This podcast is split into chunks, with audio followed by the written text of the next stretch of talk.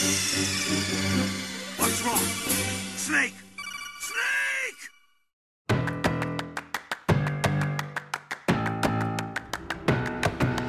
Drogie osoby słuchające, witamy w 43. odcinku Gorących Krzeseł podcastu o grach komputerowych i stolarstwie. Ja jestem Krzysiek Seran, a ze mną przy mikrofonie po drugiej stronie Wisły siedzi Kamil Borek. To ja. E, I tak jak mówiliśmy ostatnim razem, e, zebraliśmy się tutaj, żeby omówić grę Pentiment. E, Właśnie mi się przypomniało, że nie, ty mówiłeś, że na pewno nagramy odcinek o Darkest Dungeon po drodze. E, Z jego zego wyszło na moje. E, Pentiment jest grą studia Obsidian. Konkretnie jest grą Josha Sawyera, który jest jej głównym twórcą, pomysłodawcą i to jest w ogóle taki jego projekt, który przyświecał mu od lat. E, W sensie od lat chciał zrobić coś w średniowieczu, a mniej więcej od pięciu lat konkretniej wiedział, e, że, że to będzie właśnie to.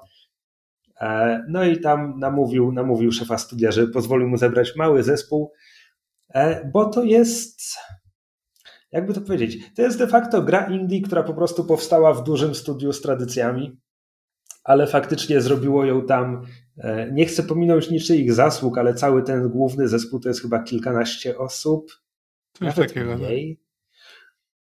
E, Jeśli chodzi, Josh Sawyer jest jakby pomysłodawcą, scenarzystą, E, Poza nim chciałbym wymienić Hannę Kennedy, która jest graficzką i odpowiada za to, jak ta gra wygląda, a wygląda y, niesamowicie. A czym właściwie Pentiment jest? Pentiment jest e, średniowieczną dialogówką o rozwiązywaniu morderstwa, ale nie do końca. Słuchaj, to jest w imię, imię róży połączone z Night in the Woods. Tak to sam, sami twórcy jakby mówili, że to, to są takie dwa podstawowe odwołania, od których trudno uciec. Tak, a jednocześnie kiedy gra się ukazała, to jakby recenzenci próbowali porównywać to do Disco Elysium i ja wciąż tego nie rozumiem. Znaczy, Bo, bo jest, jest zawsze jedna gra, która okupuje jakiś taki podstawowy archetyp gier i w tym momencie gry narracyjne wszystkie będą porównywane do Disco Elysium. Znaczy, jak zacząłem się nad tym zastanawiać, to miałem takie, no dobra, więc chodzi o morderstwo, ale tak naprawdę wcale nie, bo chodzi o tę społeczność i o to miasteczko. Okej, to się zgadza. Bohater ma głosy w głowie na trochę innej zasadzie, ale okej, da się tu znaleźć jako, jakieś te nawiązania, ale, on, ale one nie są szczególnie mocne. E, No dobrze, jest to gra, w której przede wszystkim liczy się fabuła, tak? Więc o co właściwie chodzi? E, Zaczynamy w roku 1500, chcę powiedzieć 14, ale już dobrze nie pamiętam. 18 chyba, 1518. W każdym razie e, wczesny wiek XVI w miasteczku Tassing w Bawarii, więc jesteśmy w świętym Cesarstwie Rzymskim i gramy Andreasem Malerem, który jest malarzem, artystą. E, Chwilowo, e, zanim otrzyma tytuł mistrzowski, pracuje nad swoim e, arcydziełem, tak, które, które zapewni mu ten tytuł, a jednocześnie, jednocześnie dorabia w skryptorium w opactwie, to znaczy pracuje z mnichami nad manuskryptami. Mnisi kopiują manuskrypty, a on je ozdabia swoimi, swoimi rysunkami. I do Tassing, do tego opactwa przyjeżdża pewien baron, baron Rofvogel, który na wstępie mówi, hej koledzy, słyszeliście o Marcinie Lutrze? Warto o tym pogadać, nie? I, I, mówi to opatowi przy jego stole w trakcie posiłku, w, w trakcie którego mnisi mają zachowywać ciszę. Jest to tylko jedna z dwóch, trzech czy czterech scen, które mówią nam, że ten człowiek zachodzi za skórę wszystkim, a jednocześnie z innych scen dowiadujemy się, że on już w tym miasteczku bywał i ma tutaj zaszłości. Więc jakby trudno, że tak powiem, o większy, większy taki, jak, jak z kreskówki, te tablice ze strzałką i napisem, która go wskazuje i mówi, ten typ zostanie zamordowany. Mhm. I ten typ zostaje zamordowany. E, Po czym z, z zakrwawionym nożem w rełku zostaje przyłapany brat e, Pero, który też pracuje Piero. w skryptorium, Piero, i jest e, przyjacielem i po części mentorem Andreasa.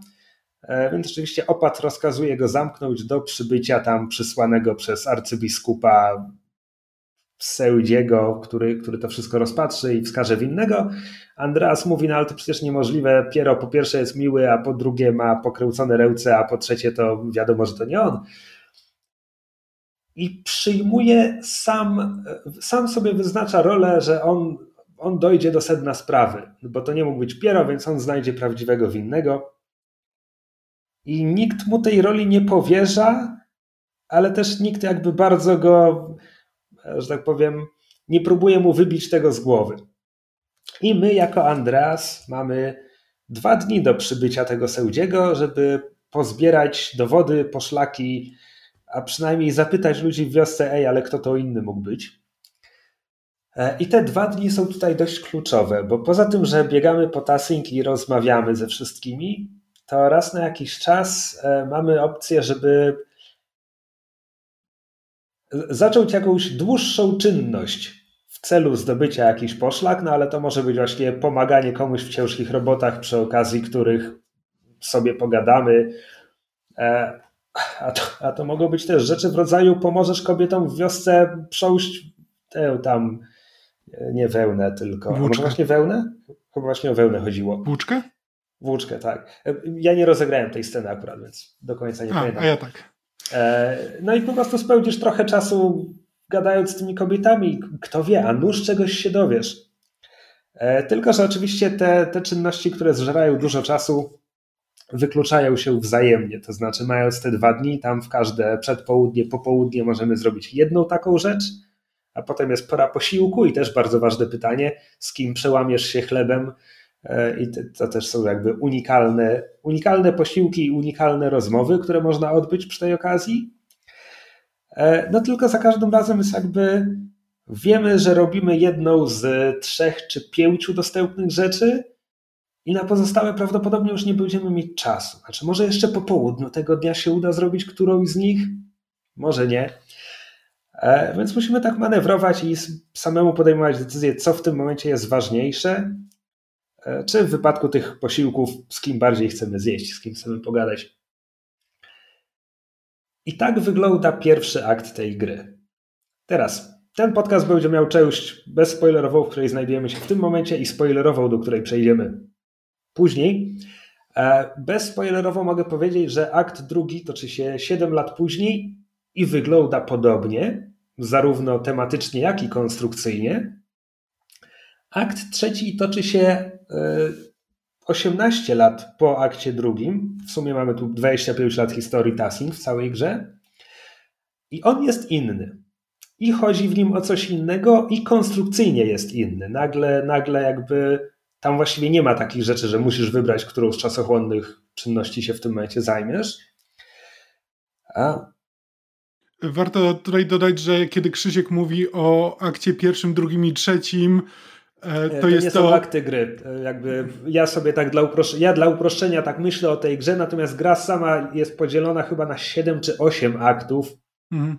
Ja żeby ktoś jakby... później grając sobie nie pomyślał, że o już jestem w drugim akcie e, i za dwie godziny skończę grę. Nie, to jest gra na 18 chyba godzin. E, ja kończyłem mając 17,7 na liczniku Steama, przy czym z raz czy dwa zostawiłem ją włączoną, kiedy musiałem się czymś zająć, więc powiedzmy, że 17 godzin. E, ale tak, i szczerze mówiąc, po, po zwiastunach i zapowiedziach spodziewałem się, że to będzie krótsze.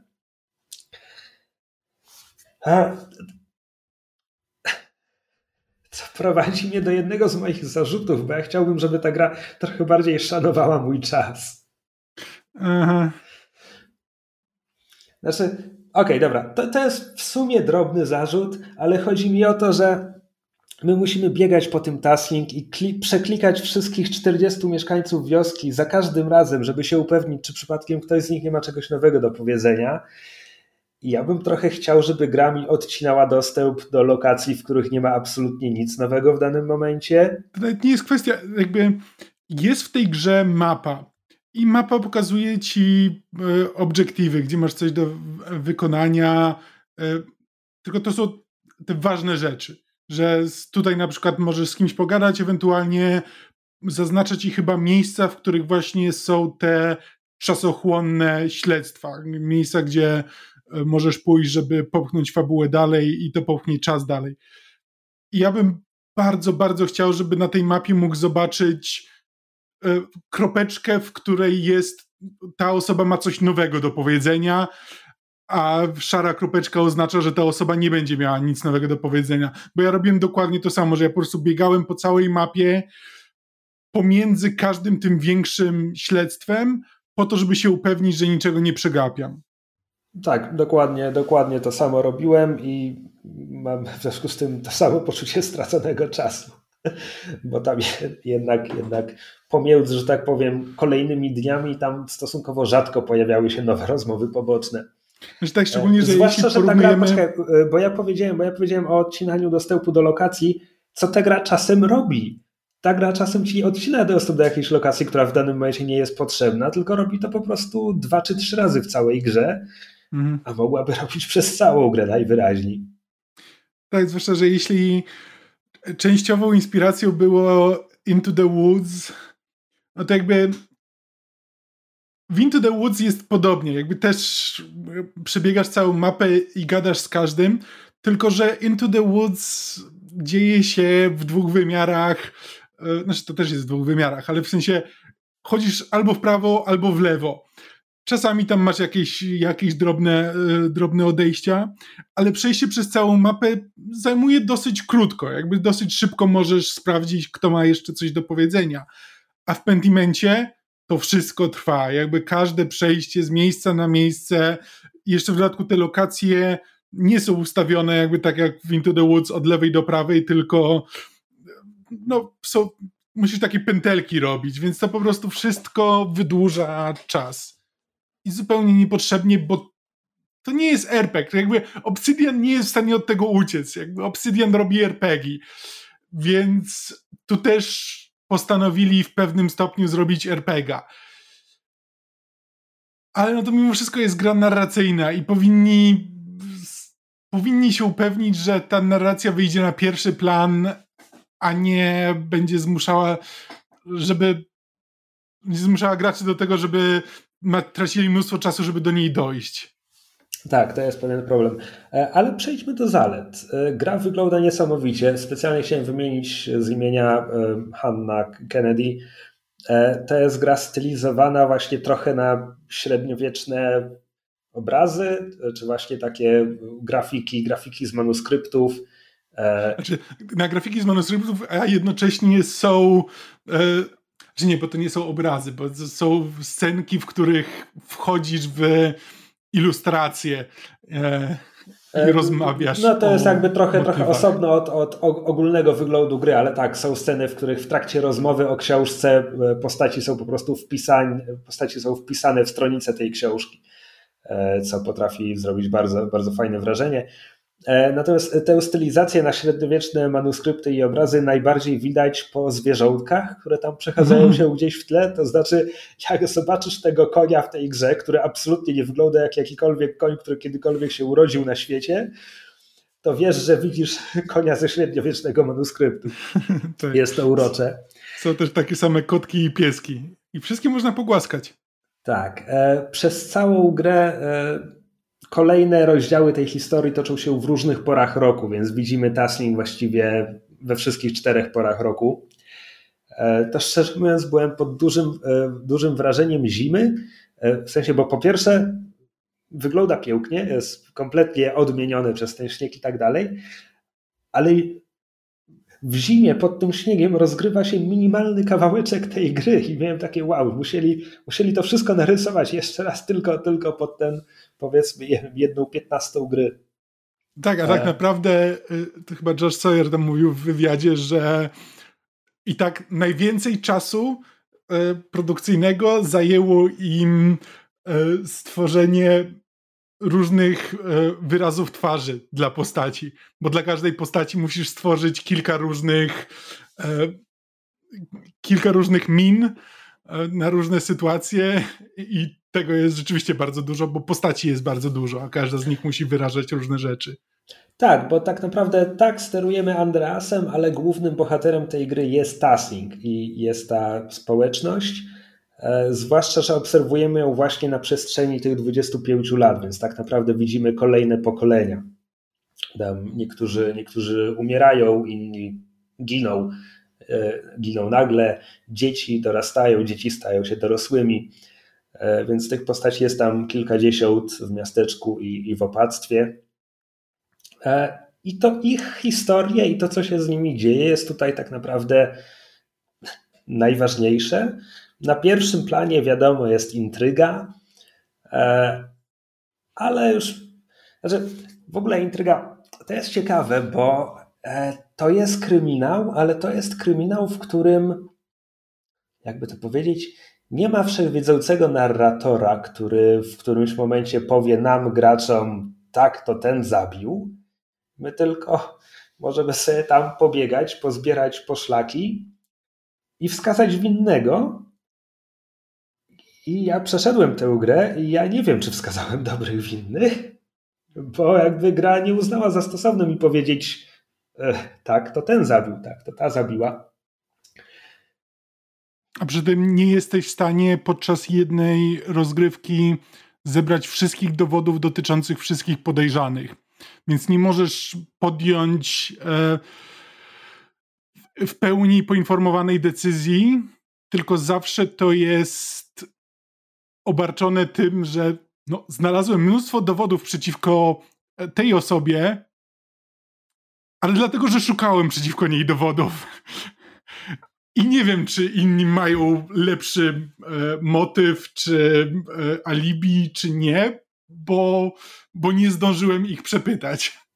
Tak, no do tego dodajmy, że nie jesteśmy komandorem Shepardem, jesteśmy Andrasem Malerem, malarzem, który po prostu przepytał parę osób, a potem powiedział sędziemu, sędziemu czego się dowiedział, ale to sędzia wydaje wyrok. Mhm. I być może nie powiem nic więcej w tej sprawie w tym momencie. I to, to jest też ważne, że e, to gra mówi, bo jakby parę postaci mówi Andreasowi na zasadzie weź pod uwagę, że kogokolwiek wskażesz, znajdzie się na radarze kościoła i winny zostanie zabity. Więc przemyśl dobrze, kogo wskażesz, wink wink, bo może, bo może tak naprawdę wcale nie... Być może jesteś pewien, że pewna osoba jest winna, i nie chcesz jej wskazać, bo mimo wszystko nie uważasz, że powinna zostać za to, za to stracona. A będzie ktoś inny, kto bardziej na to zasługuje, choć dowody przeciwko niemu nie są tak silne. Tak. A co by jeszcze powiedzieć, co nie byłoby spoilerowe? A... E, wspomniałem o tych głosach w głowie e, Andrasa. On, kiedy śpi, e, śni mu się taki E, dwór, dwór, e, którym włada Prester John, to jest jakaś postać z jakichś, że tak powiem, mitów chrześcijańskich. E, I używam tego słowa świadomie, bo nie chodzi o to, że on jest z Biblii czy coś takiego. To jest po prostu jakaś średniowieczna, o mój Boże, nawet nie apokryf, nieistotne, no po prostu władał takim mitycznym, idealnym królestwem, więc on, on włada tym królestwem rozumu w głowie Andrasa i tam są jeszcze inne figury. Jest Beatrycze, czyli co to była ta e, piękna ukochana z boskiej komedii? Dobrze mówię? To była boska komedia? No w każdym razie reprezent... No tak. w głowie Andreasa reprezentuje wszystkie kobiety tego świata. E, jest tam święty Grebin, mój Boże, przekręcam to wszystko. I on z kolei jest totalnie fikcyjnym świętym e, obi boków frajerów i tych, którzy, i tych, którzy płatają figle, więc on jest takim trochę diabełkiem na, na ramieniu Andreasa. Jest jeszcze któryś grecki filozof, jeden z tych większych. E, I poza tymi scenami snu, kiedy Andreas po prostu. E, tak, e, kiedy, kiedy Andreas po prostu o nich śni, może sobie z nimi pogadać, to też w dialogach czasem są sceny, gdzie mamy wybór dialogu, ale poza tym jest jeszcze dymek z myślami Andreasa, które możemy kliknąć i tak poklikać jego rozkminy. E, i tam właśnie te, te postaci są przypisane do niektórych, do niektórych opcji. I tyle. To absolutnie nie jest tak rozbudowane jak w Disco Elysium. Prowadzi do fajnych, fajnych scen w dalszych aktach, gdy przeżycia zmieniają Andreasa, zmienia się też jego świat wewnętrzny. Więcej nie powiem, ale to są, to są fajne sceny. Mm, czekaj, bo patrzyłem teraz na listę postaci. Powiedzieliśmy też o backgroundzie e, postaci, który się wybiera w tej grze e, podczas gry. Nie, nie mówiliśmy. Bo, tak, można wybrać na początku gry, w, jednym z pierwszych dialogów się wybiera okej, okay, że jesteś Andreasem Malerem, to się nie zmieni, ale możesz wybrać, y, gdzie twoja postać spędziła wiele lat. I to tam chyba do wyboru są Włochy, e, shit, e, zapomniałem, e, chyba w, w, Chyba Włochy, Niderlandy i tak. nie pamiętam co jeszcze. Pamiętam, że teraz y, był, był teraz tweet od Josha Sawyera, bo oni e, Flamandię nazwali e, wbrew temu, że wtedy jeszcze, wtedy jeszcze nie istniała, czy coś, że, więc musieli ten background zmienić na Low Countries, tam, dziwne historyczne rzeczy, których ja nie rozumiem i na których się nie znam. Znaczy, e, Ale tak, tak chodzi, chodzi o to, że skopali trochę historię i, i w związku z tym przy, zmienili przynależność pewnej krainy geograficznej. Na razie w, w patchu tylko zmienili jak się, jak się ten background nazywa, natomiast w dialogach wciąż są do tego odniesienia błędne i muszą jeszcze nad tym przyjść i to dopracować. Tak, no ale to jest drobna rzecz. No ale tak, wybiera się, gdzie Andreas Mahler jakby spędził dużo czasu, w związku z czym zna trochę języka i, i kultury tego miejsca i być może później w rozmowach będzie mógł do tego nawiązać albo będzie mógł zrozumieć coś, co inaczej by e, inaczej by kompletnie e, go minęło i wybiera się dwie specjalizacje. W sensie możesz wybrać, czego się uczył na uniwersytecie i jakieś rzemiosło, które opanował, albo jakiś tak, jakąś umiejętność, którą opanował w międzyczasie. I to, to też zmienia to, jakie wskazówki e, dostajesz, no bo na przykład jeśli wybierzesz, że jesteś rzemieślnikiem, no to możesz stwierdzić, że no nie wiem, ta, ta, ta, ta rzecz musiała zostać wykonać, wykonana przez kogoś, kto zna się na rzeczy i umie pracować rękami, e, albo na przykład znasz się na prawie, więc możesz powiedzieć, że e, no, orzeczenie tej osoby winną jest tak naprawdę błędne, bo zgodnie z prawem uchwalonym w tym i tym roku tak naprawdę e, ona nie złamała żadnego prawa. Więc takie drobne rzeczy, które możesz e, wtrącić w rozmowę.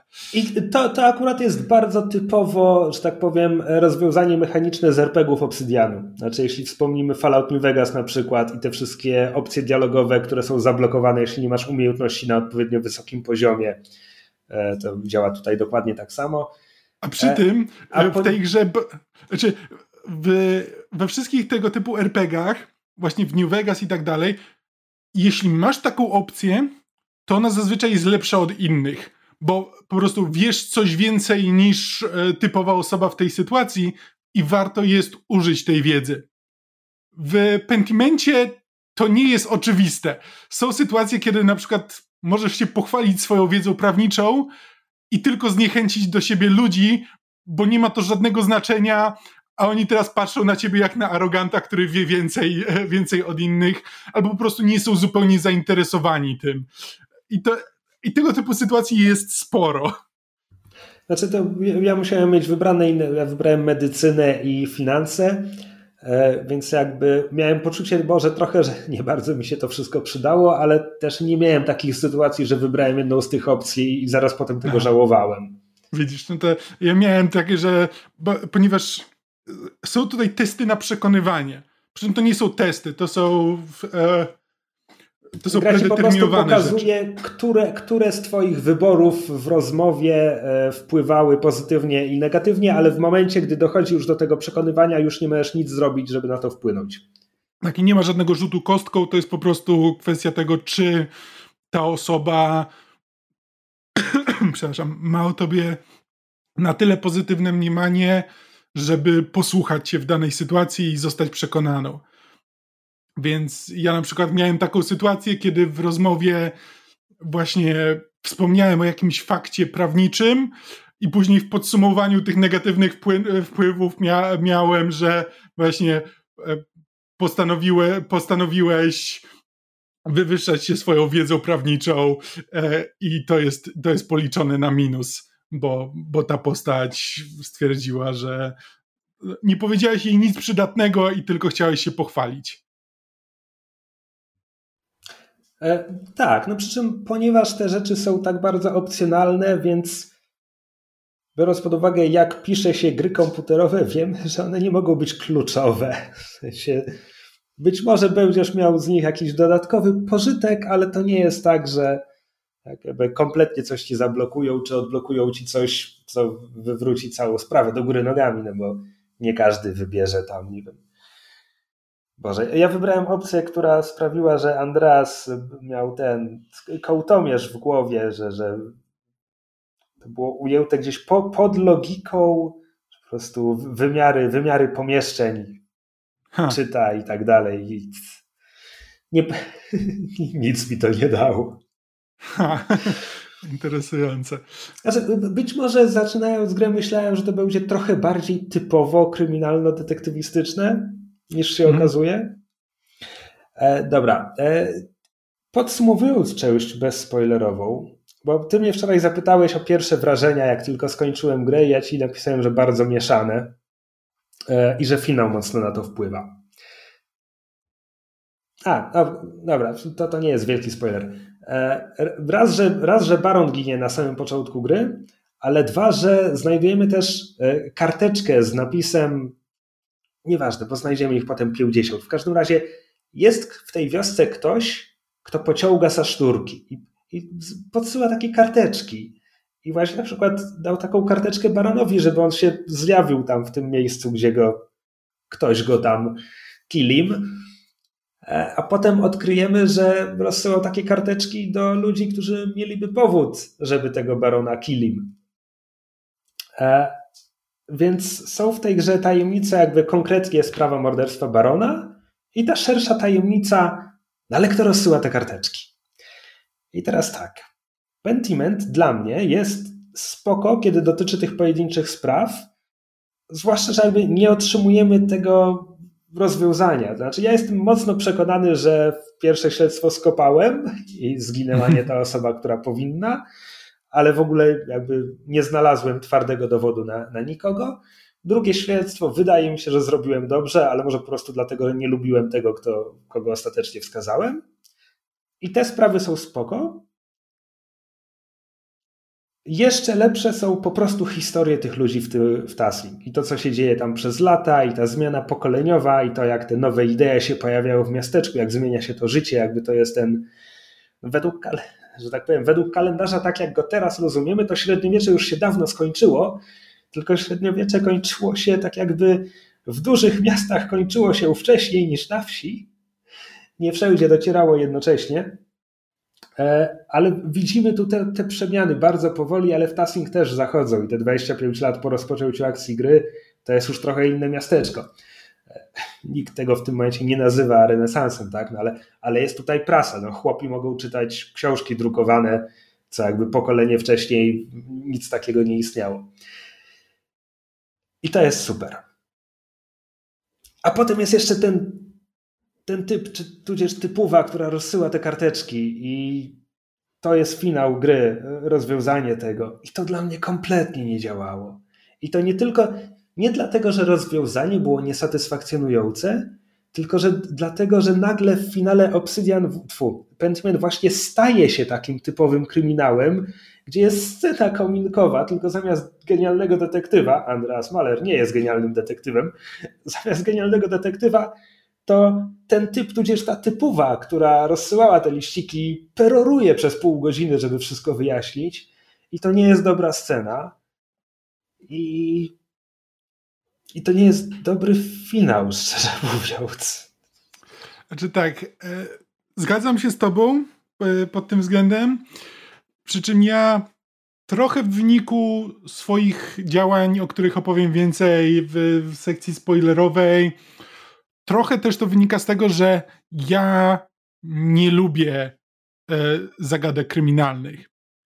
Po prostu mnie nie bawią. Moim ulubionym e, serialem kryminalnym jest Colombo, bo od początku wiemy, kto zabił i dlaczego, e, a pytaniem jest bardziej to, e, co Colombo z tym zrobi i jak do tego dojdzie. E, w związku z czym tego typu zagadki mnie nie interesują, ale gra koncepcyjnie interesowała mnie na tyle, że chciałem jej dać szansę, żeby przynajmniej przejść przez ten pierwszy akt, żeby zobaczyć, do czego to zmierza. I kiedy po prostu przyjąłem, że ta część kryminalna jest dla mnie spisana na straty, nie interesuje mnie, interesuje mnie tylko ta społeczność, to pod tym względem gra ma dużo ciekawych rzeczy do powiedzenia i to mi się podobało. Przy czym no wracamy do tego, że żeby te ciekawe rzeczy zobaczyć, musiałem poświęcić na to prawie 20 godzin swojego życia. E, z jednej strony na mechanikę łażenia po planszy, z drugiej strony na zagadkę kryminalną, która a mnie nie interesuje, b jestem przekonany, że nie do końca interesuje też twórców. Mam wrażenie, że jest to w pewnym stopniu świadoma decyzja twórców, że historia kryminalna w tej grze jest drugorzędna, ale jest to trochę taki czerwony śledź, taki mylny trop, że mamy się na tym skupić, a zaskoczyć ma nas to, że, że historia jest o społeczności. Ale nie jestem pewien, jak to wychodzi. Mam wrażenie, że to, co mi się podobało w tej historii, można też było opowiedzieć znacznie sprawniej e, i, i wyszłoby to tej, tej grze na lepsze. Tak, no i jeszcze pokrótce dodam, że w grze, która tak mocno polega na dialogach, e, chciałoby się, ja bym chciał, żeby one były dopracowane do perfekcji. Nie chodzi mi o to, jak, te, jak są napisane, chodzi mi o typową bolączkę RPGów, RPGów Obsydianu. E, scripting, skrypt się trochę sypie i postaci mówią nam rzeczy reagując na wydarzenia, które jeszcze nie zaszły dla naszej postaci, albo wprost przeciwnie, e, mam dialog o tym, ktoś mi mówi, no myślę, że dzisiaj, kiedy będzie to wielkie ognisko, ognisko i to wielkie święto, to ci będą robić to, ci będą robić to, a ci będą robić tamto. I ja toczę tę rozmowę następnego dnia po tym, jak wielkie ognisko już się wypaliło i to już wszystko, wy, mhm. to już wszystko zaszło, ale gra jakoś nie załapała. E, tak, to jest kolejny argument za tym, że gdyby ta gra była mniejsza, to to wszystko byłoby bardziej skondensowane i mam wrażenie, że robiłoby dużo większe wrażenie niż kiedy jest to rozciągnięte na 20 godzin. Tak, no i raz miałem, ponieważ to Obsydian, więc nadmienię, raz miałem typowy bug, gdzie po prostu w trakcie rozmowy kompletna zwiecha, jakby nie wyskakuje mi następna odpowiedź e, biskupa, musiałem ostatecznie przeładować grę i wybrać inną swoją opcję dialogową. Nie mogłem wybrać tej oryginalnej, bo przy oryginalnej gra się zawieszała. O. Ha. Ja aż takich bugów nie miałem, ale zdarzały się rzeczy, kiedy po prostu postaci mówiły coś, co trochę nie miało sensu w kontekście e, albo już się wydarzyło właśnie, czy tego typu no, rzeczy. No Zazwyczaj tak. drobnostki, ale... Mówię, zwiecha, zwiecha za, zaszła tylko raz. Nie, nie jest to poziom New Vegas dzień po premierze. Mało co jest poziomem New Vegas po premierze, tylko Vampire Bloodlines może konkurować. To prawda. Smutna prawda, ale prawda. Dobra. I bezspoilerowo to jest chyba wszystko. Znaczy, bardzo ogólnie, moje, moje odczucia są mieszane. Uważam, że warto w to zagrać, choćby ze względu na unikalną tematykę, no bo w której innej grze możemy grać XVI-wiecznym niemieckim malarzem. Znaczy, być może wyszło jakieś indie, w Niemczech po bawarsku, ale ja w nie nie grałem. E, więc choćby dlatego warto. Plus gra ma wiele innych zalet, które mam nadzieję, że podaliśmy. No, dźwięki. Przez niemal 90% gry są tylko diegetyczne. Słyszymy tylko szczekanie psów i chrumkanie świń. Muzyka jest używana bardzo, bardzo rzadko. E, jest diegetyczna. W dwóch czy trzech scenach jest ekstra diegetyczna. Wszystkie te sceny wypadają świetnie, no bo jak jak masz muzykę pięć razy w ciągu całej gry, to jakby bardzo zwracasz uwagę na to, czemu nagle ona się pojawia. Dla jasności, e... jeśli ktoś nie wie, czym jest diegetyczna czy ekstra diegetyczna, to ta gra nie ma soundtracku, ale są osoby, które w tej grze śpiewają albo grają i kiedy śpiewają albo grają, to, to słyszymy. Ale nie ma muzyki, która by po prostu e, była znikąd. Znaczy, no właśnie jest. Są też ze dwie czy trzy sceny, gdzie muzyka jest ekstra diegetyczna Są? po prostu znikąd. Tak, oczywiście. Zupełnie Od- tego nie zauważyłem. Znaczy, od choćby dlatego, że za każdym razem, gdy znajdujesz tajemniczą karteczkę od tajemniczego autora karteczek, jest wtedy muzyka. Okej. Zdawało mi się, że tam jest tylko motyw muzyczny jakiś krótki, ale Da- W dalszym ciągu nie masz grajka okej, okej, z- okej. za Andreasem, który... tak, tak. Masz rację. Dobra. Przepraszam bardzo. Okej, więc bezspoilerowo. Gra nie jest idealna. To jest jej problem. W momencie, w którym punktem odniesienia, nawet jeśli Disco Elysium jest absurdalnym punktem odniesienia, ale nawet jeśli punktem odniesienia jest Night in the Woods, dużo bliższe, Night in the Woods jest dużo lepszą grą. Hmm. Ale przy- to jest ciekawe, bo ja mówię, że gdyby ta gra była krótsza, bardziej skondensowana, to byłaby lepsza. Night in the Woods nie jest krótsze. Night in the Woods to też jest gra na 14 godzin bodajże, z tego co kojarzę, więc no jest ciutkę krótsza od, e, od tego Pentimentu.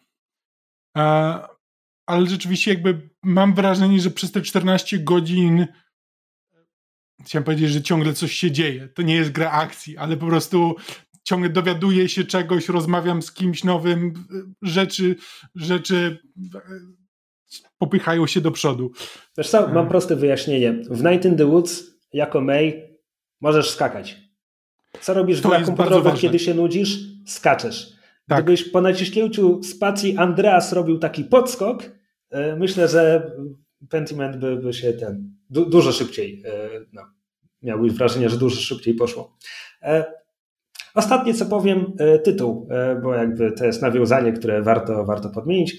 Podmienić? Co ja bredzę? Wymienić. Tytuł Pentiment bierze się od określenia pentimento z włoskiego pentirsi, penti, pentirsi, żałować, zmienić zdanie. E, W każdym razie pentimento to są poprawki malarskie, które widzisz na gotowym obrazie. Czyli jeśli jest obraz, na którym widzisz, że okej, on tutaj zamalował, tam była trzecia noga i już jej nie ma, to jest pentiment.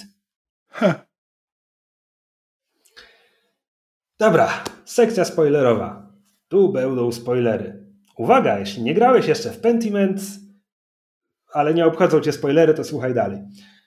A jeśli obchodzą cię spoilery, to wstrzymaj, wrócisz razie. za te 18 godzin i posłuchasz. Okej, sekcja spoilerowa. E, więc zacznijmy od największego spoilera. W trzecim akcie jest nowa bohaterka i jest to bardzo dobry zabieg. Mija 18 lat, Andreas ginie w pożarze opactwa i nagle gramy córką drukarza, przyjaciela Andreasa.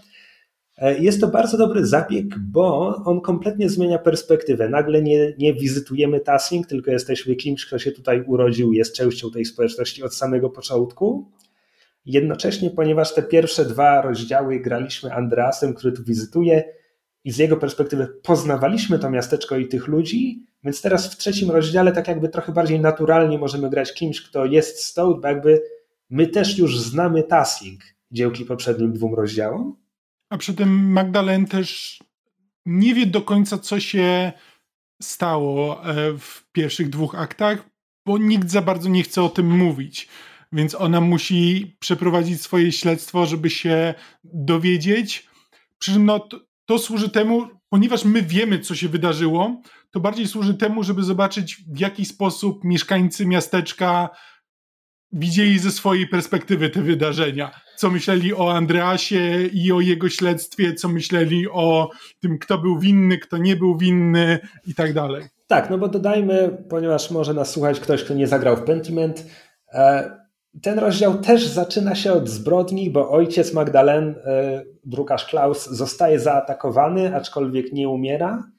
Zostaje zaatakowany krótko po tym, jak miał rozpocząć pracę nad e, muralem w ratuszu Tassing, który miałby przedstawiać historię miasteczka. I teraz Magdalen przejmuje na siebie tę rolę, że ona, ona wykona ten mural. W związku z czym zaczyna grzebać w historii miasteczka, bo koncepcja jest taka, że chce pokazać przeszłość prehistoryczną tego miasteczka, założenia opactwa, wydarzenia z finału drugiego rozdziału, kiedy chłopi się zbuntowali w Tassing i zostali zmasakrowani przez Znaczy, no właśnie, bo teraz tak idziemy trochę od tyłu, a nawet nie powiedzieliśmy tak naprawdę, o czym jest drugi akt, je, e, drugi akt je, jeszcze. A No, no tak, no w drugim akcie Andreas wraca już jako mistrz malarski ze swoim, ze swoim własnym uczniem do Tasling. Po drodze do swojej rodzinnej Nurembergi się tam zatrzymuje. No i akurat dochodzi do kolejnego morderstwa. Zostaje zamordowany chłop Otto, który, jakby to powiedzieć, z konserwatywnego punktu widzenia podburzał lud przeciwko opatowi, mhm. E, a ponieważ serca mamy po lewej stronie, no jakby mówił chłopom, hej, słuchajcie, to tak dalej być nie może. Oni nas wykończą tymi podatkami, coś się musi zmienić. E, I on zostaje zamordowany. To nie jest to, że on to, on to mówił chłopom, e, którzy tego nie wiedzieli. Jakby większość chłopów, z którymi rozmawiasz, jakby wie, że z, zasady, które narzuca im opad, podatki, które im narzuca są nie do wytrzymania. Oto jest po prostu tylko bardziej e, ze strony takiej, że hej, możemy coś z tym zrobić, podczas gdy reszta no, ma na ten, na ten temat różne poglądy. Czasami ma, że tak, powinniśmy coś z tym zrobić, inni, że nie, bo nie ma co z tym zrobić, albo nie, bo to wyjdzie tylko na gorsze, albo nic się nie zmieni i tak dalej, i tak dalej. Tak, no i e, gdy Otto zostaje zamordowany, jego, jego teść e, Peter, u którego 7 lat wcześniej w jego chacie się zatrzymywaliśmy, więc jest to postać dobrze Andreasowi znana, on natychmiast zbiera ludzi, e, idą do opactwa, wszyscy mnisi zamykają się w bibliotece i Peter wtedy stawia ultimatum, e, jeśli Andreas mówi, że to, to na pewno nie opat zabił, zabił Otto, to, to ma teraz dobę, żeby znaleźć prawdziwego winnego, inaczej oni puszczą opactwo z dymem z mnichami w środku. A no my akurat wiemy, że opat winny być nie mógł, bo, bo akurat był z nami w lesie, kiedy doszło do morderstwa. E, no więc szukamy teraz tego prawdziwego winnego.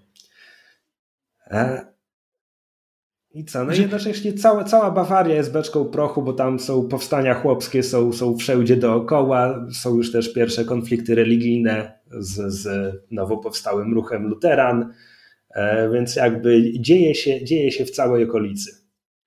Ja ci nawet napisałem w pewnym momencie, że Pentiment e, jest bardzo interesującym e, towarzyszem tuż po, znaczy tekstem tuż po obejrzeniu Andora bo tak, właśnie... szczerze mówiąc nie zrozumiałem tego, tej uwagi.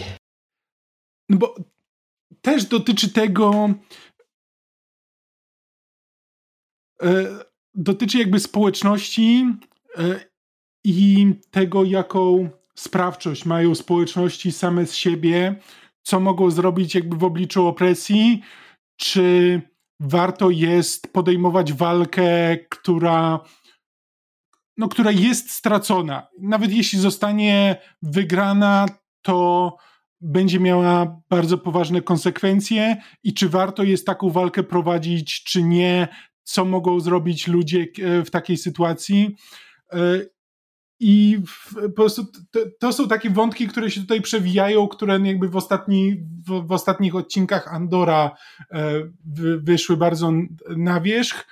Nie, to, co ta gra ma do, na ten temat do powiedzenia, mo, moim zdaniem Andor robi to lepiej, ale po prostu widziałem, widziałem podobieństwa w tych motywach. Okej, okay, więc teraz cię rozumiem.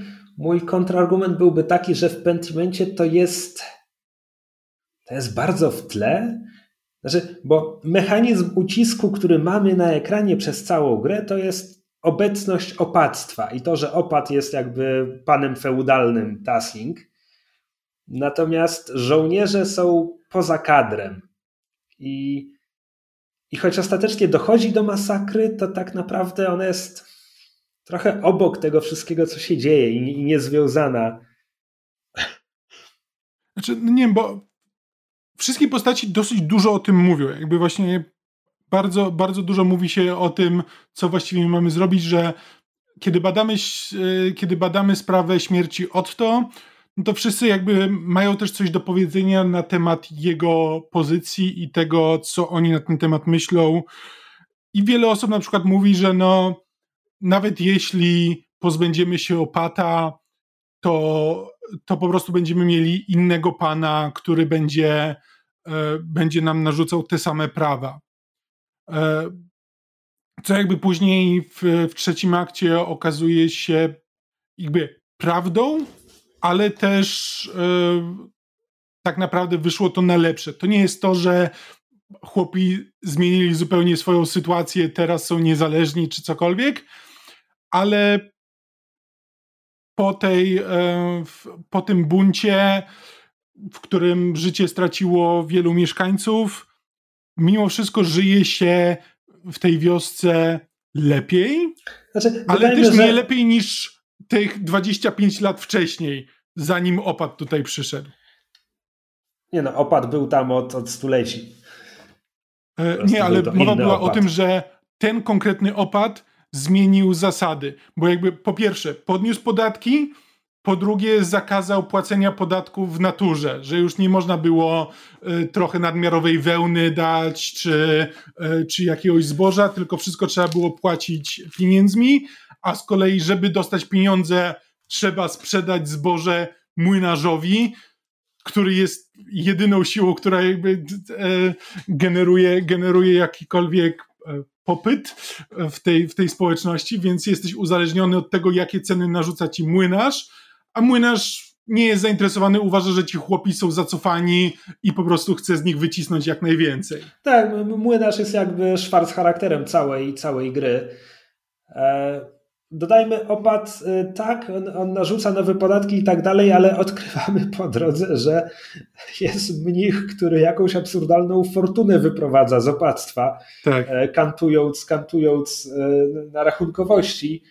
E, więc de facto najbardziej chłopom materialnie pomaga, znaczy w tym jak ja przeszedłem grę, chłopom najbardziej materialnie pomogło to, że wytypowałem tego kanciarza jako mordercę Otta, ja tak a, a, kiedy, a kiedy młynarz Sukincyn udzielił mu schronienia w swoim młynie, chłopi puścili młyn z dymem z nimi oboma. I to najbardziej materialnie pomogło w perspektywie mm -hmm. tych kilkudziesięciu lat. E, natomiast tak, no, drugi rozdział kończy się tak, że ponieważ młynarz wcześniej zastrzelił e, piekarza, to, to Peter jest jakby załamany tymi, tymi stratami, więc on i tak puszcza e, opactwo z dymem, a Landsknechci widząc, że płonie opactwo, zakładają, że to na pewno chodzi o bunt chłopski i wjeżdżają e, go spacyfikować. E, my, my, tego już jakby nie widzimy, bo Andrea zrzuca się ratować książki z biblioteki i ginie w pożarze opactwa. Ale czy ginie? Ale czy ginie. Tak, no więc potem rozdział trzeci gramy Magdalan e, i ona ma namalować ten mural, więc chce przedstawić historię miasteczka, w związku z czym zaczyna grzebać w historii miasteczka i myślałby kto, że to właśnie e, rewolucja i bunt, bunt chłopski pożaropactwa, że, że to najbardziej będzie jątrzyć i, i tym najbardziej sobie napyta biedy w Tassing. A tak naprawdę najgorszą tajemnicą okazuje się być e, starożytna historia Tassing, które kiedyś było rzymską kolonią, bo ostatecznie w finale dowiemy się, że tym, który prowokował te morderstwa i rozsyłał karteczki, był e, ojciec Tomasz z miejscowego kościoła, który poznał prawdę, że święty Moryc i święta Sacja, którzy są czczeni przez mieszkańców Tasli, Tasling, to tak naprawdę są figury ze starożytności, jeszcze, że to jest Mars i Diana i on się boi, że chrześcijańska wiara jego braci się załamie, kiedy oni się dowiedzą. Co kupuje jako motywację dla mnicha, księdza. księdza. Ważne rozróżnienie w tej grze. Tak, ale jakoś Niewiele wiem. też z tego wynika. Bo jakby mam wrażenie, że jakoś w finale to kompletnie znika, bo musisz podjąć decyzję, czy czy chcesz o tym powiedzieć ludziom, o tym, kim, jest, kim tak. są ci święci tak naprawdę, czy nie? Podejmujesz ja... tę decyzję i potem epilog nic z tym nie robi, ten temat w ogóle się nie pojawia. No właśnie, to, to, to, to jest absurdalne. Tak, dodajmy też, że ta, ta. Aha, bo jeszcze te liściki były rozsyłane, pięknie wykaligrafowane rełką, której jakby nikt, nikt w miasteczku nie ma, nikt tak nie pisze. I w ogóle, bo jeszcze ksiądz Tomasz wysługiwał się siostrą Amalią, która jest. Czy to po polsku będą ankoryci, czy mamy na to bardziej polskie słowo? W każdym razie jest to ten, ten rodzaj pustelniczki. Ona się zamurowała w pokoju przy ścianie kościoła i tam tylko Bóg zsyła na nią wizję które ojciec Tomasz pomaga jej spisywać, bo okazuje się, że ona wcześniej, kiedy była w innym klasztorze, ona też kaligrafowała księgi, więc to ona pisze te karteczki, ale zaraz po swoich wizjach, tudzież napadach epilepsji, jak to woli, nie pamięta tak naprawdę, co napisała, więc ojciec Tomasz jej tylko mówi, pisz to, tamto i potem rozsyła te liściki po miasteczku, żeby prowokować do morderstw. Okej. Okay. Znaczy, ja siostrę Amalię... potrzebuje jakiegoś hobby.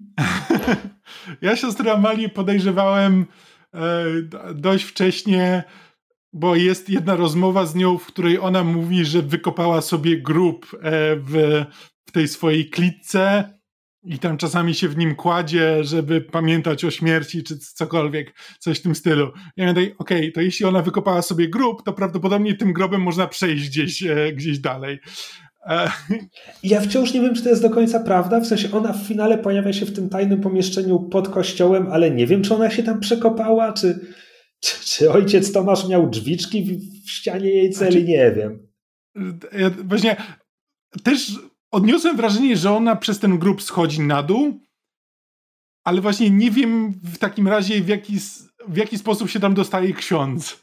Tak, no, dodajmy, dodajmy też, że jak zasugerowaliśmy na początku tej sekcji, Andreas przeżył pożar i zaszył się w ruinach opactwa. I to też jest wątek, który mnie jakby nie do końca przekonuje. Znaczy, to, mnie, to mnie o tyle przekonuje, że jakby już w drugim, na początku drugiego aktu, kiedy Andreas znaczy, przybywa on ma ponownie... taką kliniczną depresję, to jest tak, tak, smutne granie nim w tym drugim rozdziale. Straszne. Właśnie to jest, to, to jest ta rzecz, którą e, ty zrobiłeś, co... bo na koniec pierwszego aktu możemy wskazać winnego. To nawet nie to, że możemy wskazać winnego. Możemy powiedzieć e, biskupowi, czego się dowiedzieliśmy. O, o wszystkie. Jakby możemy wskazać tylu, tylu ludzi, ilu tylko chcemy. Znaczy tak, możemy mu powiedzieć, że to jest właśnie. To jest tak. Ja miałem, kiedy rozmawiałem z biskupem i biskup mnie zapytał, jakby o kim mu mogę powiedzieć, miałem trzy opcje. E, jedną z nich był Ferenc, e, który jest mnichem. Przeorem. Przeorem, tak, właśnie. E, i w, jak się okazuje, on się zajmował czarną magią i znajdujemy narzędzie zbrodni w, w grobie, który on rozkopał. I to narzędzie zbrodni jest pokryte krwią. To, czy ta krew rzeczywiście należy do barona, czy nie, no to trudno stwierdzić, bo średniowiecze. Czekaj, a właśnie, a właśnie, a właśnie, bo Ferenc był, ja, ja, go najbardziej podejrzewałem, tylko że tam potem wydarzyło się coś dziwnego właśnie z tymi czynnościami, które zżerają za dużo czasu, bo ja już nawet poprosiłem o pomoc jednego z braci, żeby pomógł mi rozkopać ten grób, tylko potem, kiedy chciałem go rozkopać, to nie miałem opcji, ok, zróbmy to, miałem tylko opcję, zrobimy to później, a potem coś się wydarzyło i ja już nigdy potem nie mogłem tam wrócić i powiedzieć, mhm. ok, to rozkopmy ten grup. I ja nie wiem czemu, nie wiem czego gra ode mnie chciała, nie wiem co zrobiłem źle. Mhm. Więc ja to był kolejny moment, kiedy gra mnie trochę wkurzyła. W związku z czym ja nie rozkopałem tego grobu i nie znalazłem tego narzędzia, bo ja, ja myślałem, że to jest właśnie ta rzecz, której mi brakuje, żeby być w 100% pewnym winy Ferenca. Bo moim zdaniem to jest ta rzecz, której ci brakuje. Chociaż jest tam też jedna. Znaczy, jest jedna wskazówka, to jest chyba w jednym z tych liścików, które właśnie pochodzą od Amali. Je... Nie, albo ktoś coś mówi. Jest mowa o dziewczynie i niewiniątku. E... Tak, a, a ten, e, no, kamie, kamienia szlaki odwiedza grup dwojga niewiniątek Właśnie tego, w lesie. Okej, okay, właśnie, bo tego nie mogłem znaleźć, bo ja się tak skupiłem na, feren na Ferencie, bo stwierdziłem, że nawet jeśli Laki to zrobił, trudno. nie mam zamiaru wskazywać Lakiego. E, znaczy, ja właśnie, że tak powiem, za bardzo się wciągnąłem w odgrywanie Andreasa, bo ja, ja miałem opcję, mogłem powiedzieć o trzech winach. Mogłem powiedzieć o Ferencu, o Lakim i o siostrze Matyldzie, która, jak się dowiemy, była kiedyś przez barona czy on jej ostatecznie nie zgwałcił, tylko ją pobił, bo ona nie dała mu się zgwałcić. Więc taka to historia była. E, więc o siostrze nie powiedziałem ani słowa. E, ona ma potem piękny wątek, zostaje ten, opuszczają, opuszczają opactwo, zostaje żoną e, brata z opactwa. Cudowne. E, miałem Lakiego i miałem Ferenca. I ja stwierdziłem, ok, Andreas powiedziałby, czego się dowiedział o Lakim, ale przecież tak naprawdę o mam trzy razy więcej dowodów, hmm, anegdotycznych, ale dowodów. A potem jeszcze na końcu jest opcja, że Panie Seudzio, czy, czy chce pan znać moje zdanie, kto jest zabójcą? I to trzeba przekonać Seudziego. Ja przekonałem Seudziego, on chciał mnie wysłuchać. Ja wtedy powiedziałem, no ja to jest Ferenc oczywiście. A potem ścieli Lakiego. I z jednej strony ja to bardzo doceniłem, na zasadzie, że gra, gry nie obchodzi, że ja tu jestem graczem. Andreas Mahler nie jest głównym bohaterem tej historii, nie ma żadnego prawa wskazywać tam winnego, więc jakby powiedział, co chciał, ale ścieli kogo innego. No ale z drugiej strony ty mi potem powiedziałeś, że, że to da się, da się to rozegrać tak, żeby tam odpowiedniego tak, ścieli. Ale trzeba. Znaczy, ja to zrobiłem po prostu właśnie. Zrobiłem dokładnie to samo co ty. Szczególnie, że gra. E, tak jak mówię, nie, ja miałem, powiedziałem, że miałem trzy opcje. Miałem cztery opcje, bo miałem Ferenca, miałem siostrę Matyldę, e, miałem Lakiego i Martina. E, no więc najpierw opowiedziałem o Ferencie. Znaczy, no dobra, ja, te, ja, też miałem Martina, ale on jest co, 12-letnim chłopcem w tym momencie, tak? To wydawało mi się absurdalne. A nie, czekaj, 16-letni, on ma już żonę i dziecko, nieważne. Nie, Martin jest dorosły. Eee... W ogromnym cudzysłowie. No więc tak, więc e, powiedziałem, że Ferenc, e, że czarna magia, narzędzie zbrodni i tak dalej. Ale potem, czy jest ktoś jeszcze? E, biskup pyta. I nie masz opcji odpowiedzenia nie masz po prostu pozostałe trzy opcje. W związku z czym ja miałem takie, nie, o siostrze Matyldzie nie wspomnę ani słowem, nie ma, nie ma mowy. E, y, I miałem takie, okej, okay, Lucky i Martin. E, Martin, a już wiem, czemu nie wybrałem w, pierwszy, w pierwszym odruchu Martina, bo miałem takie, Martin wydaje się bardzo winny. Widziałem go, jak uciekał z miejsca zbrodni i ukradł coś baronowi. Jakby absolutnie jest, e, jest winny, ale mimo wszystko też nie uważam, że zasługuje, że zasługuje na śmierć, więc a z kolei jest na tyle winny, że no jeśli wskaże Martina, to no to tak, to pewnie zostanie zabity. Jest jeszcze Laki, na którego nic nie mam, więc okej, okay, powiem o Lakim i następna opcja, okej, okay, ale co z Lakim? no, był, kłócił się z baronem. Coś jeszcze? Nie. Nic nie wiem o Lakim. Nie mam zero pojęcia. Nic. Zero. Ktoś jeszcze? I dopiero wtedy jest opcja nie, już nic więcej nie wiem, więc powiedziałam nie, już nic więcej nie wiem.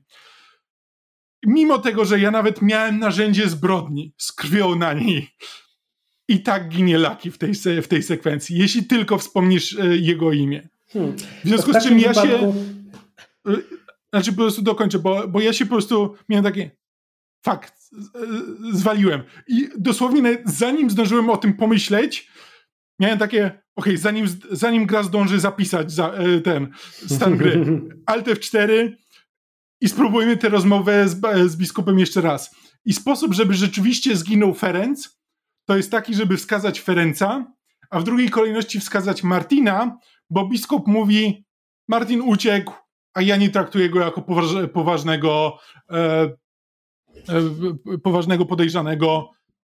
Podejrzewam, że po prostu dlatego, że ponieważ uciekł, to nie będzie można go stracić, a biskup po prostu chce na pokaz kogoś zabić i pokazać, że coś zrobił, w związku z czym stwierdza, że Martin nie, sorry, e, Martin mnie nie obchodzi. I wtedy, I wtedy odpowiadasz w trzeciej opcji, nie, już nic więcej nie wiem i ginie Ferenc.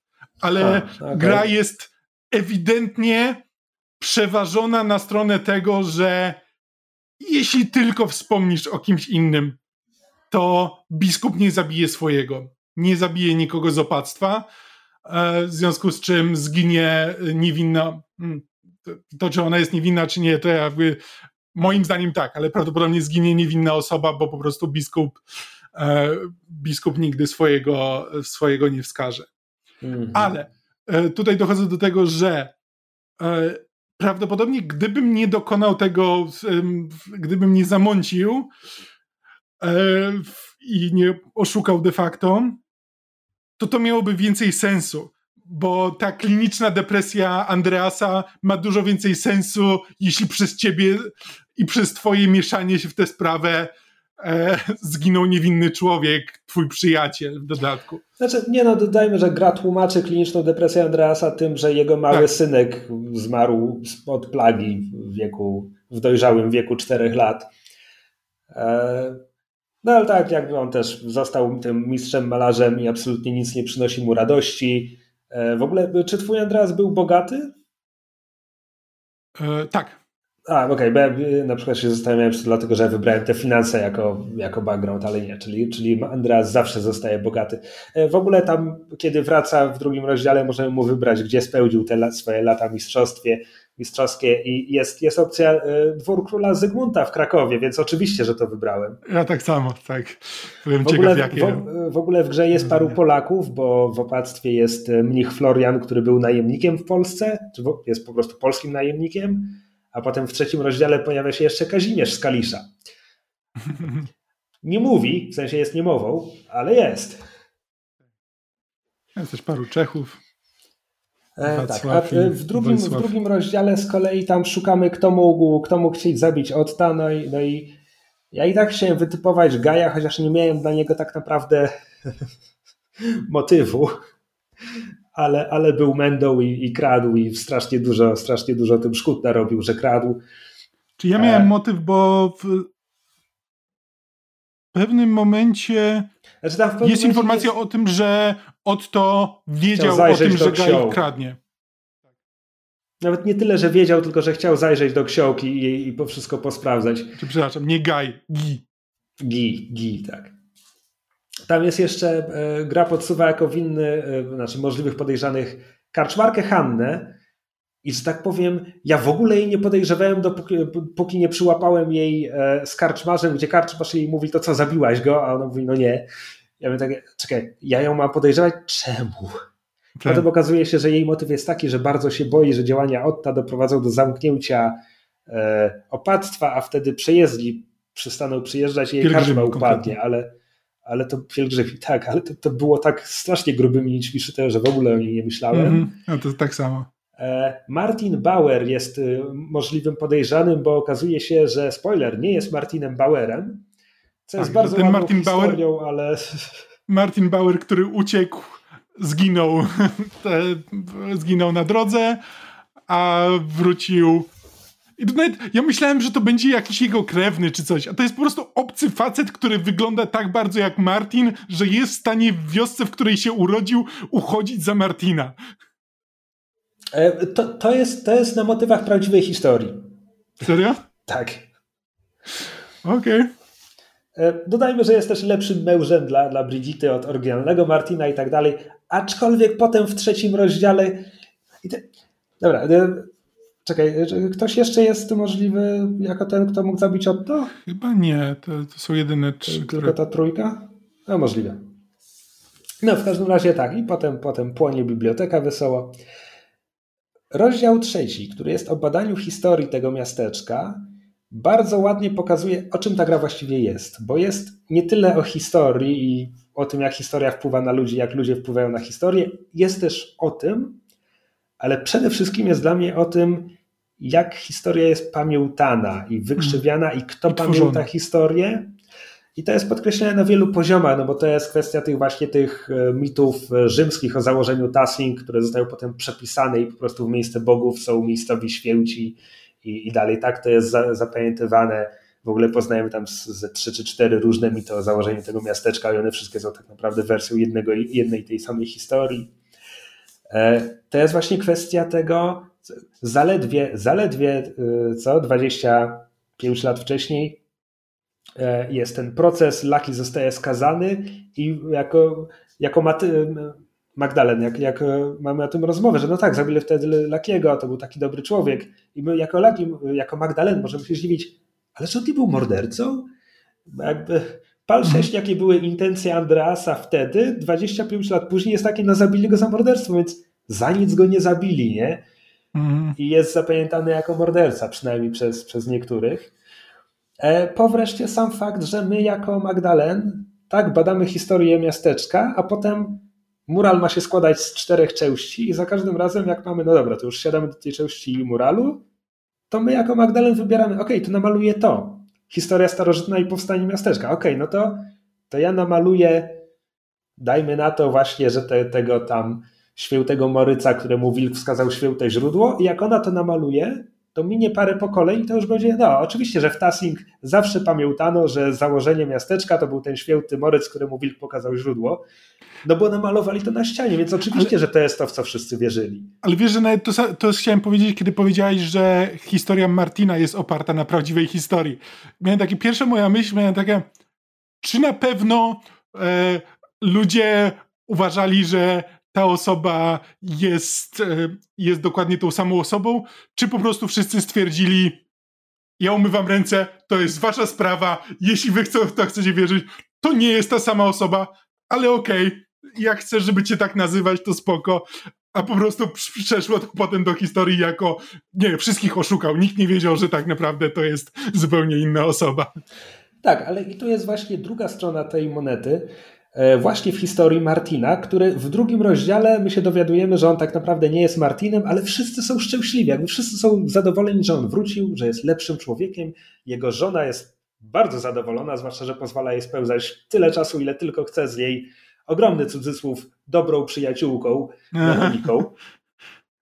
E, po czym w rozdziale trzecim mija 18 lat jednak ludzie pamiętali, że ten Martin Bauer to jest nic poń. I on jednak, on ma, on ma w tym społecz, tej społeczności tę rolę, że no wdaje się w bójki i tak dalej. I to nie, to nie jest duża część tej historii, ale dla mnie to jest ewidentne, że po prostu ponieważ wszyscy spodziewali się, że Martin Bauer będzie się zachowywał jak Martin Bauer, to choć ten człowiek próbował być lepszy, to na końcu zachowuje się jak Martin Bauer.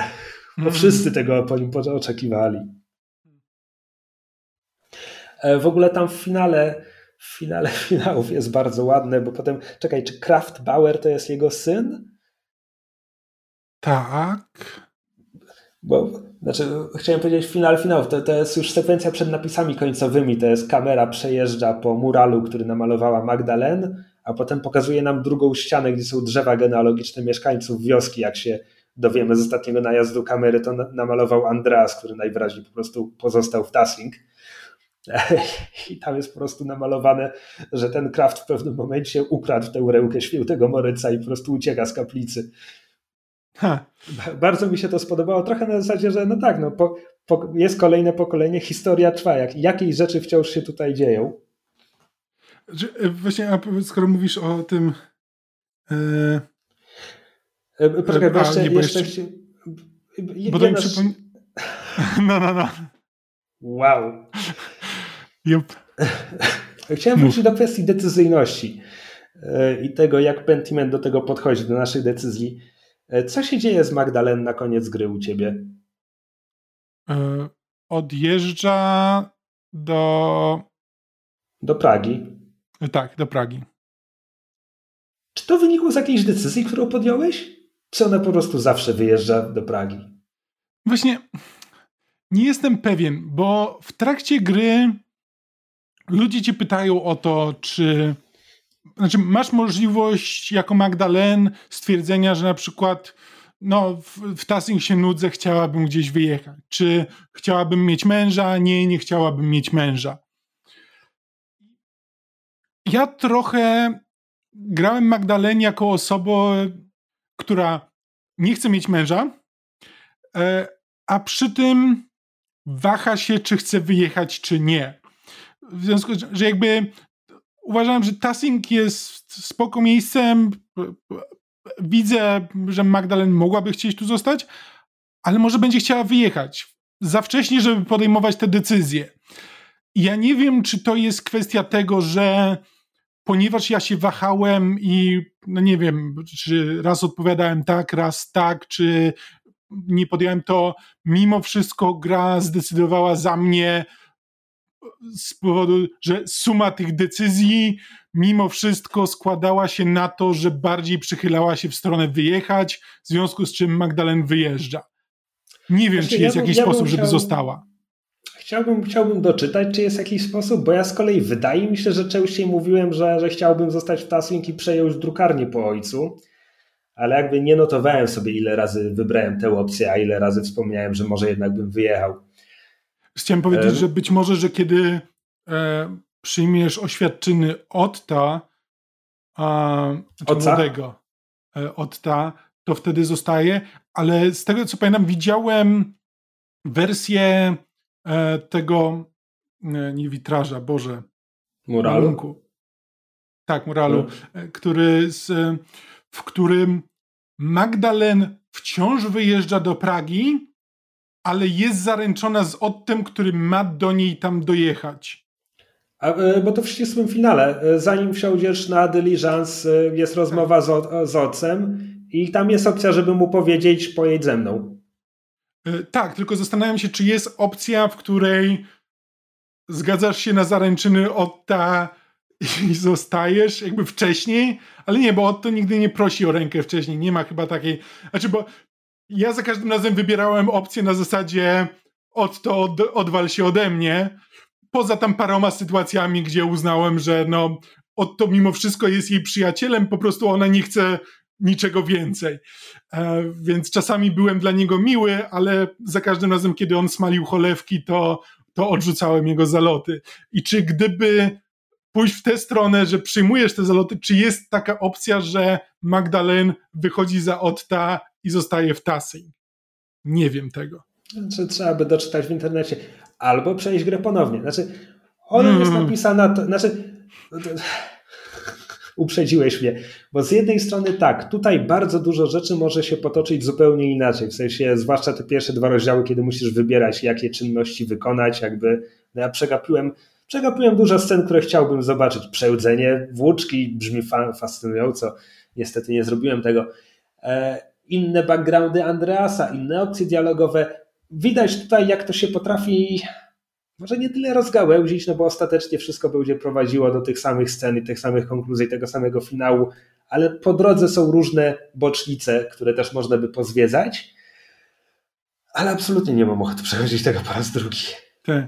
Szczególnie, że gra chyba nie ma takiej opcji, jak mają visual novele, gdzie jeśli przechodzisz grę ponownie, to możesz szybko przelecieć przez e, kwestie, które już widziałeś i tylko czytać te, które są nowe.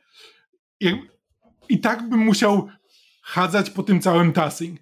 Przeczytać wszystkie teksty, szczególnie, że na, nawet jeśli je przewijasz, to wszystko ma taki efekt, że te kwestie są e, pisane pismem, które według Andreasa ta osoba posiada, znaczy charakterem pisma, które, e, która pasuje Andreasowi do tej osoby bo ten charakter pisma potrafi się zmieniać w zależności od tego, co ta osoba mówi. Jest taka scena w, w pierwszym akcie, gdzie e, już nie pamiętam kto, ale jedna z osób jest chłopką i Andreas widzi jej pismo jako takie odręczne, trochę niechlujne pismo e, nieoczytanego chłopa, ale ona ci mówi, że była tam parę lat za granicą i tam uczyła się i dostała jakby formalną edukację i w tym momencie jej pismo zmienia się na takie ładne, odręczne, kaligrafowane. E, I tego typu jest parę takich sytuacji, które mają prowadzić ostatecznie do tego, że kiedyś siostra, dowiadujemy się, że siostra ta Amal, Amalia jest, jest tą osobą, która wysyłała te ładnie kaligrafowane karteczki, to jej mowa zmienia się na charakter pisma, którym były pisane te karteczki. To jest jakby po coś robione, ale to też jest ładny zabieg, że jakby widzimy to, co Andreas myśli o danej osobie już na etapie tego, jakim charakterem pisma się posługuje. Tak. E, przy okazji... Przepraszam, bo to dążyło do tego, że ponieważ musimy zobaczyć, jak to pismo jest napisane, to nie możemy szybko się przeklikać przez to. Musi najpierw zostać napisane dosyć szybko, ale nie błyskawicznie, w związku z czym ta gra przy kolejnych przejściach, nawet jeśli chcesz się przez nią przeklikać, zajmie ci przynajmniej z 10 godzin. No, tak. A jednocześnie, jakby, bo, bo, nie chcę, żeby to było ostatnie słowo, że absolutnie nie mam zamiaru grać w to drugi raz. Znaczy nie mam, ale ten jeden raz jakby dostarczy mi też dużo pozytywnych wrażeń. Jakby część już wymieniliśmy. Ja chciałbym zwrócić jeszcze szczególną uwagę na kilka konkretnych scen, e, bo na przykład zastanawiam się nad tym, mówi się czasem, mówi się czasem, że no to, to mogłoby być visual novel, bo po prostu gra opiera się tylko na dialogach i tak dalej. Pod adresem Disco Elysium pada czasem ten zarzut, gdzie jakby okej, okay, ale jak bardzo ta gra byłaby spłaszczona i jak bardzo, ile by się straciło i jakby jak bardzo e, sarkamy teraz na pracę, dajmy na to grafików, którzy to wszystko jakoś mhm. zilustrowali. E, natomiast e, to, co bardzo ładnie wychodzi w Pentimencie, to jest właśnie, ponieważ poznajemy to miasteczko jako Andreas, to potem widzimy te zmiany. I rewelacyjną sceną jest Magdalen, która bada ruiny spalonego opactwa. Mhm. To jest jedna scena, gdzie mamy ekstra diegetyczną muzykę, dodam. A, e, racja. I jakby to, to by absolutnie nie działało w visual novel. Znaczy, musiałoby to być napisane rewelacyjną prozą, żeby zadziałało, no ale obraz jest wart tysiąca słów, więc po prostu to jest w neutrze, w którym biegaliśmy mnóstwo razy jako Andreas i teraz widzimy je wypaloną ruinę, jednocześnie z tą piękną, podniosłą muzyką, której nie słyszeliśmy poruszając się, kiedy ten budynek stał jakby u szczytu swojej chwały. E, więc, więc to jest bardzo ładny efekt. Są bardzo ładne sceny właśnie e, lokalne obrzędy, czyli to wielkie ognisko w noc świętojańską, e, parada, jak oni się nazywają, percz ten, chłopi przebrani za demony i złe duchy, które trzeba przepełzać na, na święta E, więc są, to są takie bardzo fajne sceny. E, finał drugiego rozdziału, e, kiedy właśnie dochodzi do spalenia opactwa, to też wygląda bardzo ładnie. Biorąc pod uwagę, jak ta gra wygląda, jakby zasadnicza, ona jest bardzo statyczna de facto, mm. ale są tu sekwencje, kiedy się, rzeczy się dzieją i tak naprawdę to dzianie się jest bardziej zasugerowane przez dźwięki i muzykę niż cokolwiek, co naprawdę dzieje się i porusza na ekranie. E, I też, ale wciąż efekt jest bardzo ładny. Moim zdaniem też nie miałbym tego samego poczucia, że jestem zagnieżdżony w tym miejscu, w Tassing czy w tym opactwie Kirsau, e, gdybym nie mógł przez nie przechodzić tyle razy. Jakby widzieć osoby, które o różnych nie porach pogłaskać wszystkich kotków, które tam są. Tak, ale różne osoby o różnych porach dniach są w różnych miejscach, zajmują się czym innym. E, I to wszystko, to, umiejscowienie w przestrzeni ma znaczenie i też jakby sprawia, że masz dużo lepsze poczucie miejsca, tego gdzie jesteś, jak to jest zbudowane. Nawet sam fakt, że jakby samo tassing jest podzielone na takie trzy praktycznie poziomy, bo na samym dole są, są chłopi. E, żeby przejść do samego miasteczka, to musisz pójść na górę i to jest na środku. A jeszcze wyżej jest ten poziom, na którym mieszka lekarz, później jest zbudowana Rada Miasta i tam mieszka zagraniczny e, wynalazca, który później przyjeżdża, gdzie to są jakby te trochę wyższe sfery. Jakby wszystko to coś nam mówi o tym mieście. No a przy tym mówię, no, wiesz, gdzie kto jest. Jakby kiedy przychodzisz, wiesz, gdzie jest piekarnia, i kiedy przychodzisz do piekarni, jest tam piekarz, jest jego żona, to od razu sprawia, że dużo lepiej pamiętam te postaci i kim one są, niż gdyby po prostu gra mi powiedziała, że to jest, to jest piekarz, to jest żona piekarza, to bym później czytał jej imię i nawet twarz i miałbym takie zaraz, kim jest ta postać, bo ja mam bardzo kiepską pamięć do twarzy, do postaci i tak dalej. Więc to wszystko ma znaczenie, kto jest, o, kto jest u piekarza, kto odwiedza piekarza i tak dalej, i tak dalej. E, tak, jeśli Pentiment coś robi dobrze, to właśnie oddaje tasking e, jako miejsce miejsce i ludzie i wpisuje tych ludzi w to miejsce bardzo ładnie. Mhm. Aczkolwiek pisałem ci, że kiedy e, brat Wojsław i siostra Matylda po pożarze opactwa porzucają habity i zostają mężem i żoną, ja nie wiem, gdzie oni mieszkają w tej wiosce. Nie mam pojęcia. E, na, na Wigilii stoją razem z Kowalem i jego żoną i nie wiem, czy to jest sugestia, że oni mieszkają u nich?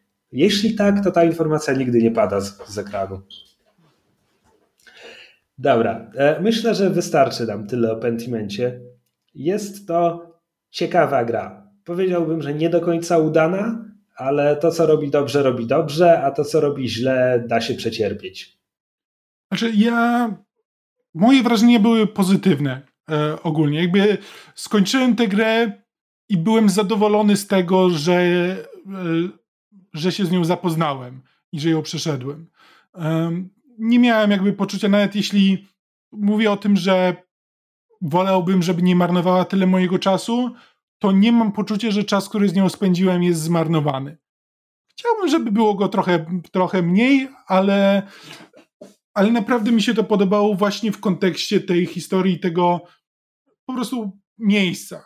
Tak jak mówię, zagadki kryminalne przestały mnie interesować po pierwszym akcie i jakby byłem przekonany, grając tę grę, że to ma być w pewnym stopniu taki. Mam mieć to poczucie, jeśli ktoś jest zaangażowany w te zagadki, to tak naprawdę to mu wyjdzie na gorsze. Że po prostu gra. To nie jest. To nie jest. Powinieneś myśleć o miejscu, w którym jesteś, o ludziach, którzy cię otaczają, a nie tylko o tym, jak rozwiązać tę zagadkę. I jeśli będziesz o tym myślał, to, to będziesz miał lepsze wrażenia, lepsze tak naprawdę efekty swoich działań, niż kiedy po prostu będziesz się bawił w detektywa.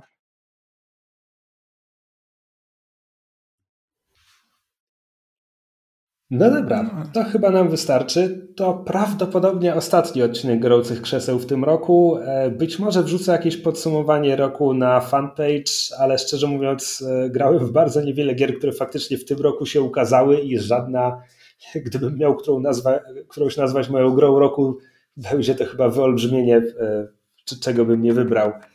Więc moją grą roku jest pewnie, nie wiem, Into the Bridge. Jest, jest rewelacyjny, jest hmm. na komórce, jeśli jesteś abonentem Netflixa. Ja przeszedłem God of War'a właśnie. E, w sensie God of War Ragnarok. Polecam. Bardzo dobra gra, ale jeśli nie graliście w oryginalnego God of War'a, to najpierw przejdźcie tego pierwszego God of War'a, bo, bo mechanicznie niewiele się zmienia, a historia jest ciągiem dalszym, ewidentnym e, pierwszej części, ale bardzo dobrym ciągiem dalszym, który się e, kończy w satysfakcjonujący sposób. I Tyle taki to był rok. Gry roku Into the Bridge i God of War Ragnarok, a Pentiment też się ukazał. Cześć! Nie mów ludziom, że God of War Ragnarok jest moją grą roku, co? To ty postanowiłeś ją wymienić w tym momencie. Dobra, e, e kończymy. Kończymy. To na razie. Cześć.